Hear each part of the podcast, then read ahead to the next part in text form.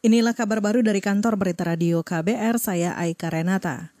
Pengamat ekonomi yang juga bekas Menteri Keuangan, Khatib Bastri menilai situasi perekonomian yang terdampak pandemik global COVID-19 saat ini lebih sulit ditangani jika dibandingkan dengan krisis keuangan 2008 lalu. Menurut Khatib Bastri, pada krisis 2008, pemerintah Indonesia berhasil melewatinya dengan kebijakan mengalihkan pasar ke dalam negeri sendiri dengan mengeluarkan stimulus fiskal untuk daya beli dalam negeri. Ini berbeda dengan 2008 krisis keuangan global. Tetapi pada waktu itu, cara pemerintah untuk mengatasi krisis keuangan global itu relatif lebih mudah dibandingkan sekarang. Apa? Karena pada waktu itu sumber krisisnya adalah subprime mortgage dari Amerika. Jadi karena ada krisis subprime, kemudian Amerika kena, perdagangan global kena, akibatnya ekspor Indonesia kena. Bekas Menteri Keuangan RI Khatib Basri menggambarkan kinerja ekspor nasional saat krisis keuangan 2008 juga terganggu karena situasi pasar internasional sedang tidak stabil.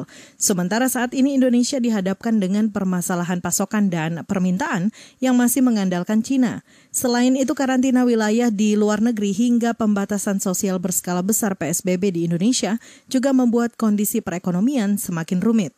Sementara itu pengamat ekonomi dari Perbanas Peter Abdullah memperkirakan kondisi investasi di Indonesia bakal mulai membaik kembali pada triwulan 4 atau sekitar Oktober mendatang. Peter Abdullah mengatakan realisasi investasi pada triwulan 2 dan 3 memburuk karena terdampak pandemi COVID-19. Selain itu nilai realisasi investasi di 2020 akan meleset jauh dari perkiraan Badan Koordinasi Penanaman Modal BKPM. Kita baru bisa benar-benar kita mulai fun untuk recovery itu pada triwulan 4 ya bulan-bulan Oktober ya. Jadi otomatis ya waktu untuk realisasi investasi yang boleh dikatakan hanya pada triwulan 4. Oleh karena itu ada dua triwulan yang boleh dikatakan kita akan sangat-sangat mengalami ke penurunan realisasi investasi yang saya kira melesetnya dari angka targetnya. Pengamat ekonomi dari Institut Perbanas Jakarta Peter Abdullah menambahkan para investor baik asing maupun domestik masih akan melihat dan menunggu stabilnya perekonomian Indonesia. Sebelumnya BKPM memprediksi realisasi investasi di 2020 meleset hingga 69,1 triliun rupiah dari target investasi sebesar 886 triliun rupiah. Saudara, anjloknya harga minyak mentah jenis West Texas Intermediate atau WTI di level minus 37,63 dolar Amerika per barel diperkirakan tidak memberikan dampak langsung ke Indonesia.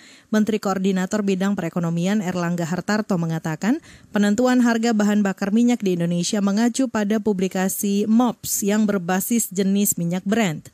Harga minyak mentah jenis Brent saat ini berada di kisaran 20 hingga 30 dolar Amerika per barel. Indonesia Indonesia basis harganya adalah MOPS, bukan WTI, sehingga MOPS, MOPS itu basisnya adalah brand. Dan dengan demikian ini memang pasti akan memberikan tekanan. Nah tentu bagi Indonesia kita memonitor karena ini terkait juga dengan kebijakan biodiesel 30. Menko Perekonomian Erlangga Hartarto menyebut dampak yang akan dialami Indonesia lebih kepada kebijakan produksi biodiesel.